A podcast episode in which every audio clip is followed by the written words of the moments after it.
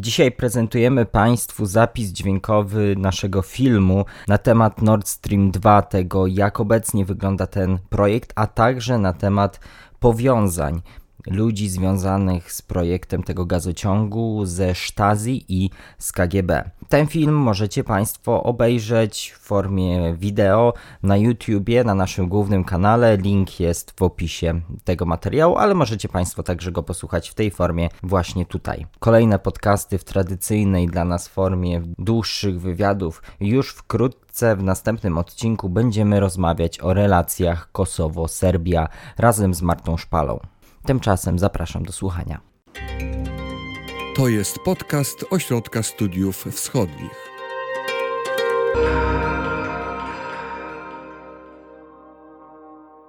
Dziewiąty kwietnia 2010 roku. Ówczesny prezydent Rosji Dmitrij Miedwiediew z nieukrywaną radością otwiera budowę gazociągu Nord Stream.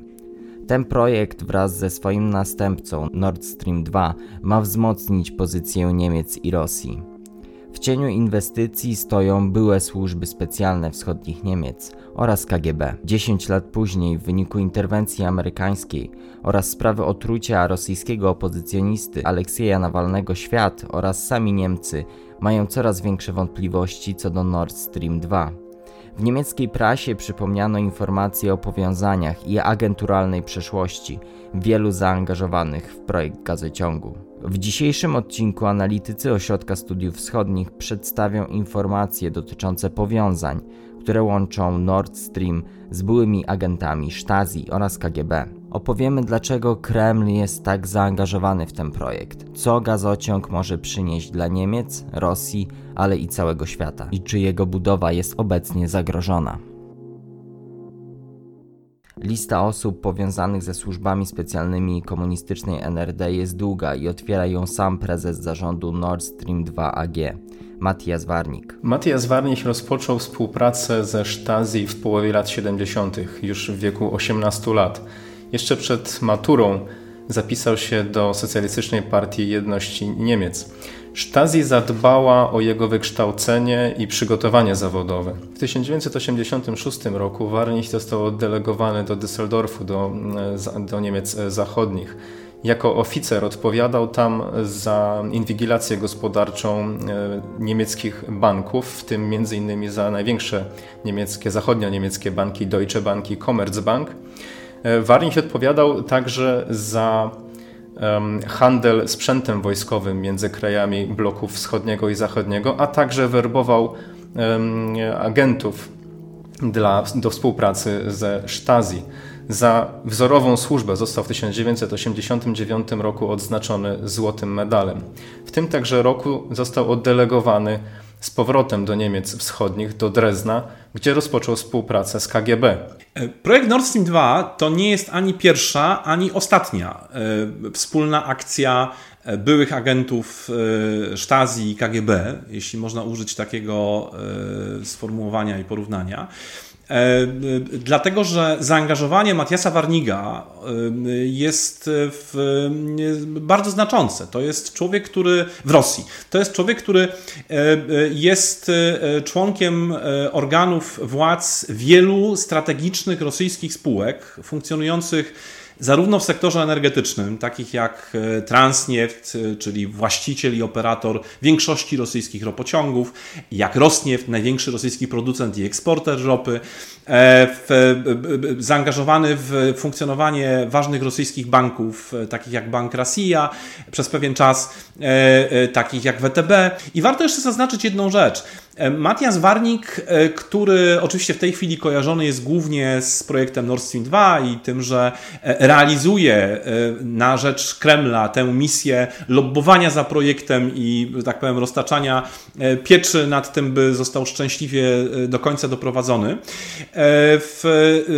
To jest człowiek, który wielokrotnie, jakby z punktu widzenia Kremla, sprawdził się w przeszłości w różnego typu biznesowych czy polityczno biznesowych przedsięwzięciach, które były ważne z punktu widzenia e, obecnych rosyjskich władz. I skoro się sprawdził, e, to jest człowiekiem zaufanym, a Kreml na ludzi zaufanych i do tego jeszcze takich, którzy mają no, odpowiednią, sprawdzoną w cudzysłowie przeszłość, na takich ludziach Kreml oczywiście polega. Dodatkowo Matiasa Warniga łączą osobiste relacje z prezydentem Rosji Władimirem Putinem. Jest kilka wersji tego, kiedy panowie się poznali. Jedna głosi, że było to jeszcze w czasach, kiedy Władimir Putin rezydował w Dreźnie, czyli pod koniec lat 80. Inna wersja głosi, że dopiero na początku lat 90., kiedy Warnik przyjechał jako przedstawiciel Dresdner Banku do Petersburga, aby otworzyć filię tego banku e, w Rosji. Jednym z ciekawszych e, elementów tej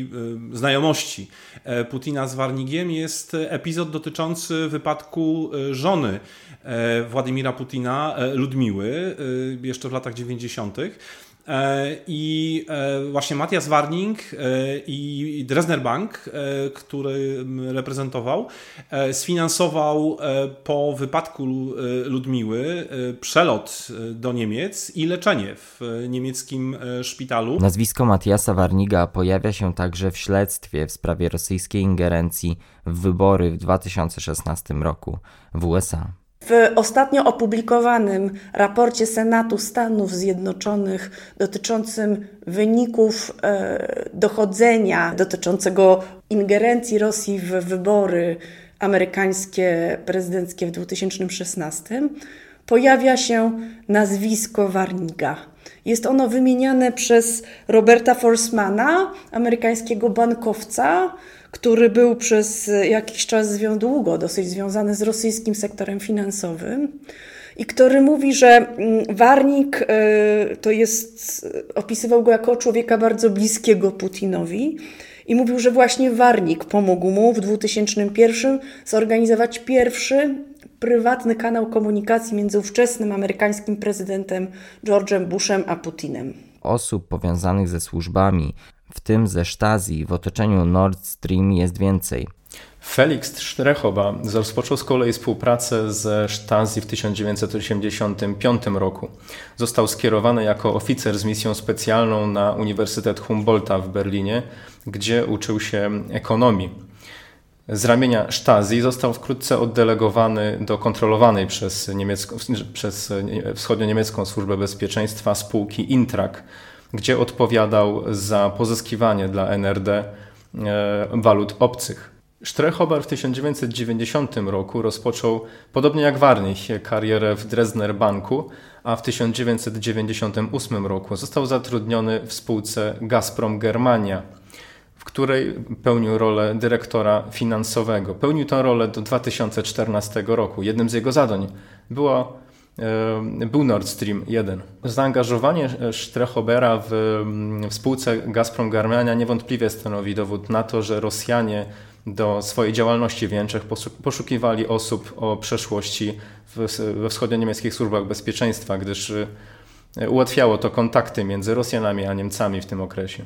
Przykładów osób, e, które były zaangażowane w spółkach Gazpromu, a także przy projektach Nord Stream, które jednocześnie E, w swoim, życiorysie, w swoim życiorysie mają współpracę ze Stasi jest więcej. Do tych osób należą m.in. Hans Joachim Gornych, Hans-Uwe Kreyer, a także Urs Hausherr. Jak się później okazało, także Paweł Lipponen, były premier Finlandii, współpracował ze Stasi. Obecnie realizacja gazociągu Nord Stream 2 spotyka się z dużymi problemami. Amerykanie zapowiadają sankcje przeciwko temu projektowi. Sankcje amerykańskie szkodzą Nord Stream 2. To pierwsze już obowiązujące sankcje uchwalone w grudniu 2019 roku, tak zwany Protecting Europe's Energy Security Act, doprowadził do wstrzymania budowy Nord Stream 2. Ostatni mały kilkudziesięciokilometrowy odcinek w głównie wodach duńskich, ale też troszkę w niemieckich nie jest wciąż zrealizowany. Także sankcje szkodzą, a Amerykanie amerykański kongres planuje poszerzenie sankcji, tych właśnie, e, które doprowadziły do wstrzymania budowy. Ta propozycja przeszła już przez e, Komisję Spraw Zagranicznych Senatu i Izby Reprezentantów Kongresu i została dołączona do mm, ustawy definiującej budżet obronny Stanów Zjednoczonych na 2021 rok. Według doniesień medialnych ta ustawa ma zostać uchwalona jednak dopiero po wyborach prezydenckich w Stanach Zjednoczonych w listopadzie tego roku. No, jeżeli e, propozycja poszerzenia sankcji m, mm, przejdzie w, w takiej formie, w jakiej została zaproponowana przez senatorów, to ma szansę ona naprawdę trwale i zaszkodzić i możliwe, że zupełnie e, trwale utrudnić realizację Nord Stream 2. W związku z otruciem Aleksieja Nawalnego wątpliwości co do tak bliskiej współpracy z Rosją zaczynają mieć sami Niemcy. Sprawa otrucia Nawalnego wpłynęła na e, zaostrzenie się tonu debaty wobec, wobec Rosji.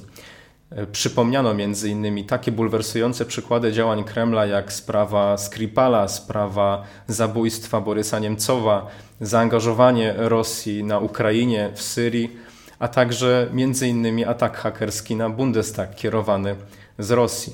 Wszystkie te kwestie zestawiono jednocześnie z forsowanym przez Berlin projektem Nord Stream 2, e, który wskutek sprzeciwu ze strony wielu państw członkowskich Unii Europejskiej, e, wskutek krytycyzmu ze strony Komisji Europejskiej, a także w ostatnim czasie e, przez sankcje ze strony Stanów Zjednoczonych przysparzały Niemcom coraz większego bólu głowy. Ujawnienie przez samą kanclerz Angelę Merkel faktu wykorzystania e, trucizny z grupy nowiczoków do, e, do otrucia Alekseja Nawalnego e, wpłynęła na gwałtowne zaostrzenie także kursu debaty na temat Nord Streamu. Sam, sama debata na temat Nord Streamu sam przekaz medialny został zdominowany, został po raz pierwszy absolutnie zdominowany przez krytyczne głosy osób, które wskazywały, które kwestionowały e, sens ekonomiczny, energetyczny, a także polityczny samej inwestycji. Do chóru krytyków e, inwestycji w Nord Stream 2 dołączyło wielu polityków, w tym m.in. prominentne postaci z e, rządzącej e, partii chadeckiej, CDU, w tym dwóch, e, dwóch polityków ubiegających się o przewodnictwo w tej partii. Pierwszym z nich jest wieloletni krytyk Nord Streamu, szef Komisji Spraw Zagranicznych Bundestagu Norbert Rüttgen, a także Friedrich Merz, który uznawany jest za jednego z faworytów do objęcia przywództwa wśród Hadeków. Także zieloni oraz liberałowie nawo zaczęli nawoływać do zatrzymania inwestycji, bądź, jej przynajmniej, bądź przynajmniej wstrzymania jej i postawienia warunków e, jej wznowienia e, Rosjanom. Zaostrzenie debaty na temat Nord Streamu w Niemczech doprowadziło do sytuacji, w której e, minister spraw zagranicznych Heiko Maas, a także kanclerz Angela Merkel ustami swojego rzecznika nie wykluczyli tego, że, sprawa, że inwestycja Nord Streamu zostanie włączona w odpowiedź Niemiec, tudzież szerzej Europy na sprawę Aleksieja Nawalnego? Działania rosyjskie są bardzo y, typowe. To znaczy, oczywiście oficjalnie Kreml neguje jakikolwiek związek z tym, co dotyczy e, Aleksieja e, Nawalnego i, i sprawy jego e, otrucia. Domaga się przedstawienia dowodów przez tych, którzy twierdzą, że to właśnie Kreml jest odpowiedzialny za tę operację. No i jednocześnie oczywiście jakby E, e, wydaje takie oświadczenia wskazujące, że e, no, ta sprawa ma jakieś tutaj jakieś drugie polityczne, polityczne dno i jest jakąś formą nacisku na, na Federację Rosyjską, więc tak naprawdę te reakcje rosyjskie są dość przewidywalne i jakby próba odbijania oskarżeń dość typowa dla funkcjonowania Kremla. Nord Stream 2 w tym momencie wybudowany jest już w około 90%. W niemieckiej debacie pojawia się argument, że gazociąg jest niezbędny, aby zrealizować cele polityki klimatycznej. Jednak pojawia się pytanie, czy te twierdzenia są zgodne z prawdą. Wśród e, niemieckich ekspertów e, od e, kwestii energetycznych i klimatycznych od dawna panuje przekonanie, że inwestycja w Nord Stream 2 bynajmniej nie jest niezbędna dla dla celów Energiewende, niemieckiej transformacji energetycznej, a także istnieją głosy twierdzące, że budowa kolejnej, kolejnego gazociągu służące, służącego do transportu, do przesyłu gazu ziemnego jest w sprzeczności z celami klimatycznymi, w tym z osiągnięciem neutralności klimatycznej do 2050 roku. Eksperci od dawna wskazują na to, że zapotrzebowanie na gaz ziemny będzie wprawdzie w najbliższych latach wzrastać, m.in. wskutek e, zrezygnowania z energetyki węglowej i jądrowej, ale w, średnim i w, dłuższej, w średniej i w dłuższej perspektywie zapotrzebowanie na gaz ziemny w Niemczech będzie spadać, a w, w latach 40. powinno zostać zredukowane do minimum. Właśnie e, przez e, przyjęte cele polityki klimatycznej. Nord Stream 2 nie jest niezbędny, by zaopatrzyć Niemcy w gaz, czy nawet w rosyjski gaz. Do Niemiec e, rosyjski gaz dociera obecnie zarówno przez Nord Stream 1, jak e, gazociągiem jamalskim biegnącym przez Białoruś i Polskę, wreszcie może docierać również przez Ukrainę, e, Słowację i Czechy. Także jest nawet nadwyżka mocy przesyłowych w obecnie istniejącej infrastrukturze, dzięki której gaz rosyjski mógłby dopływać do, na rynek niemiecki. Jeżeli Niemcy zdecydowałyby się na działania, które wstrzymałyby realizację Nord Stream 2, to e, miałoby to szansę wpłynąć na, zwiększyć spójność e, wewnątrz Unii Europejskiej, a na pewno poprawić relacje Niem, Niemiec z, z państwami Europy Środkowej. Na pewno też miałoby pozytywny wpływ na relacje transatlantyckie. Jednocześnie, jeśli chodzi o rynek gazu, to wydaje się, że nie miałoby to przynajmniej w najbliższym czasie żadnego większego wpływu na sytuację.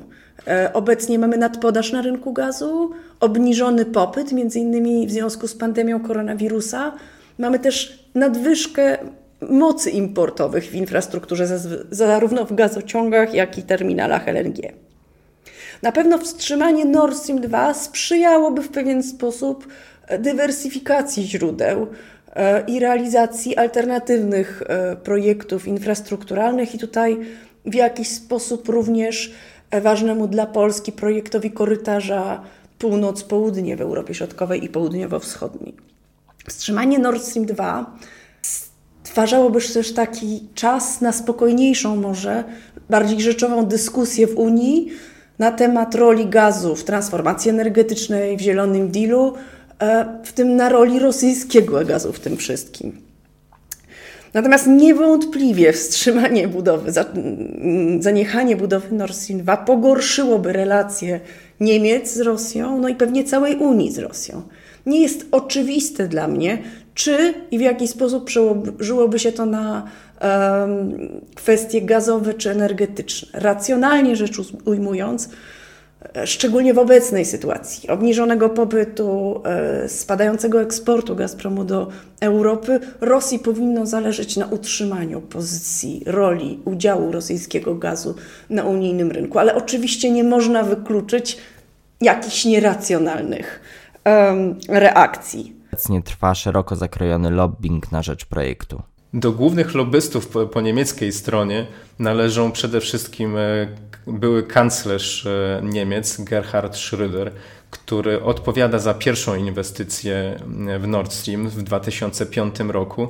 Zaraz po tym, przypomnijmy, zaraz po tym, jak został zastąpiony na, na funkcji kanclerza przez Angelę Merkel, został zatrudniony przez Nord Stream właśnie w celu realizacji pierwszej inwestycji w gazociąg bałtycki. Gerhard Schröder jest najbardziej jaskrawym, najbardziej symptomatycznym przykładem korupcji politycznej ze strony, ze strony Gazpromu. Drugim najbardziej znaczącym lobbystą po niemieckiej stronie jest właśnie Matthias Warnich, który zaangażowany był w, od samego początku w, bardzo mocno w realizację, w forsowanie projektu Nord Stream 2 po niemieckiej stronie. Wielokrotnie spotykał się z, z politykami niemieckiego rządu, w tym między innymi z wicekanclerzem e, i ministrem gospodarki i energii Zygmarem Gabrielem, który pełnił swój urząd w latach 2013-2017,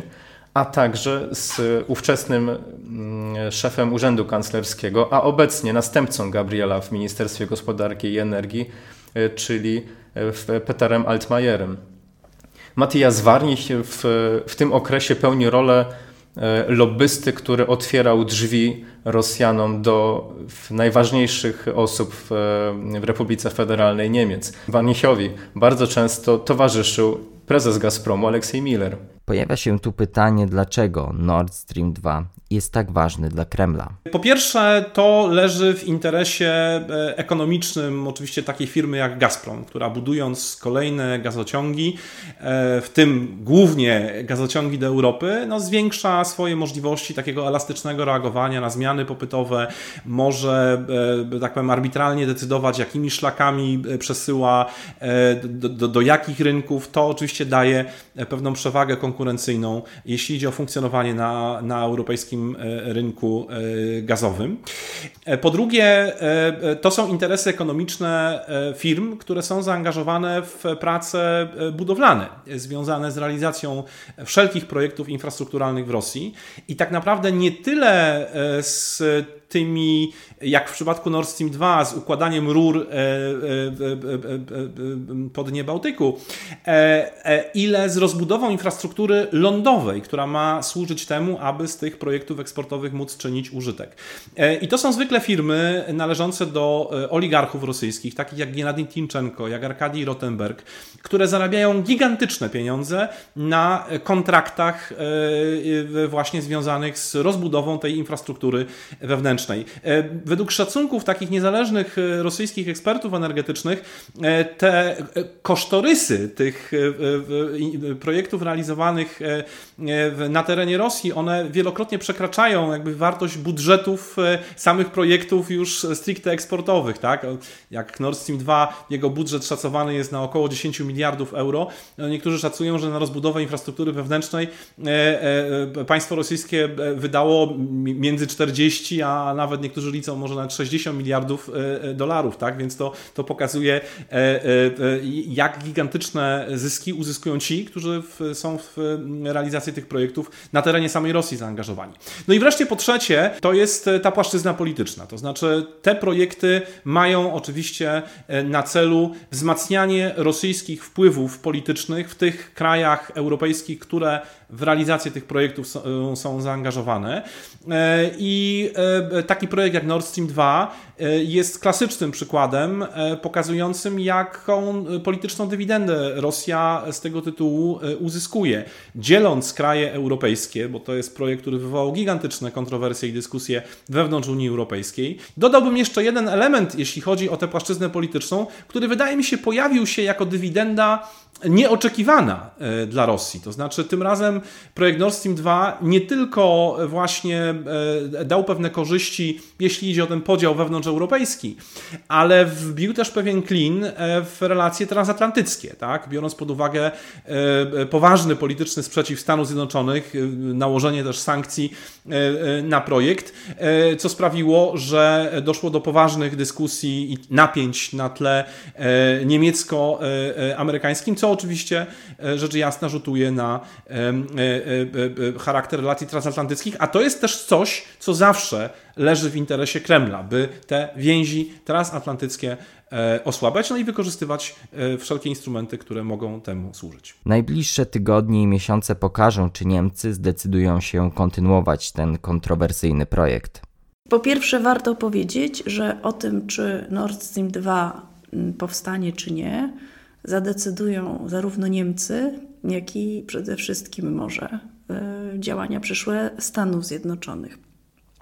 E, jeśli Niemcy jednak nie zdecydowałyby się na włączenie Nord Stream 2 do reakcji na otrucie Nawalnego, a tego typu opcja jest szeroko dyskutowana teraz i wzbudziła spore nadzieje u przeciwników projektu, to pogłębiłoby to najpewniej istniejące już kontrowersje dotyczące gazociągu tak w Unii, jak i w relacjach transatlantyckich. Budowa Nord Stream 2 jednoznacznie wzmocniłaby rolę Niemiec, niemieckich giełd na europejskim rynku gazu, a Niemcy stałyby się kluczowym hubem gazowym w Europie. Wzmocnione zostałyby też silne powiązania energetyczne i gospodarcze niemiecko-rosyjskie, I pojawiałyby się częściej pytania już wcześniej zadawane, czy i jaki wpływ ma to na politykę niemiecką wobec Rosji, szczególnie w przypadku jakichś trudnych wydarzeń. Mm, powstanie Nord Stream 2, dodatkowych przepustowości, którymi słać można by jeszcze więcej rosyjskiego gazu, utrwalałoby bądź wręcz wzmacniało rolę rosyjskiego gazu na europejskim rynku, na rynku niemieckim, ale też środkowoeuropejskim, bo to do Europy Środkowej wiedzie główna odnoga Nord Stream 2 to jest e, gazociąg EUGAL.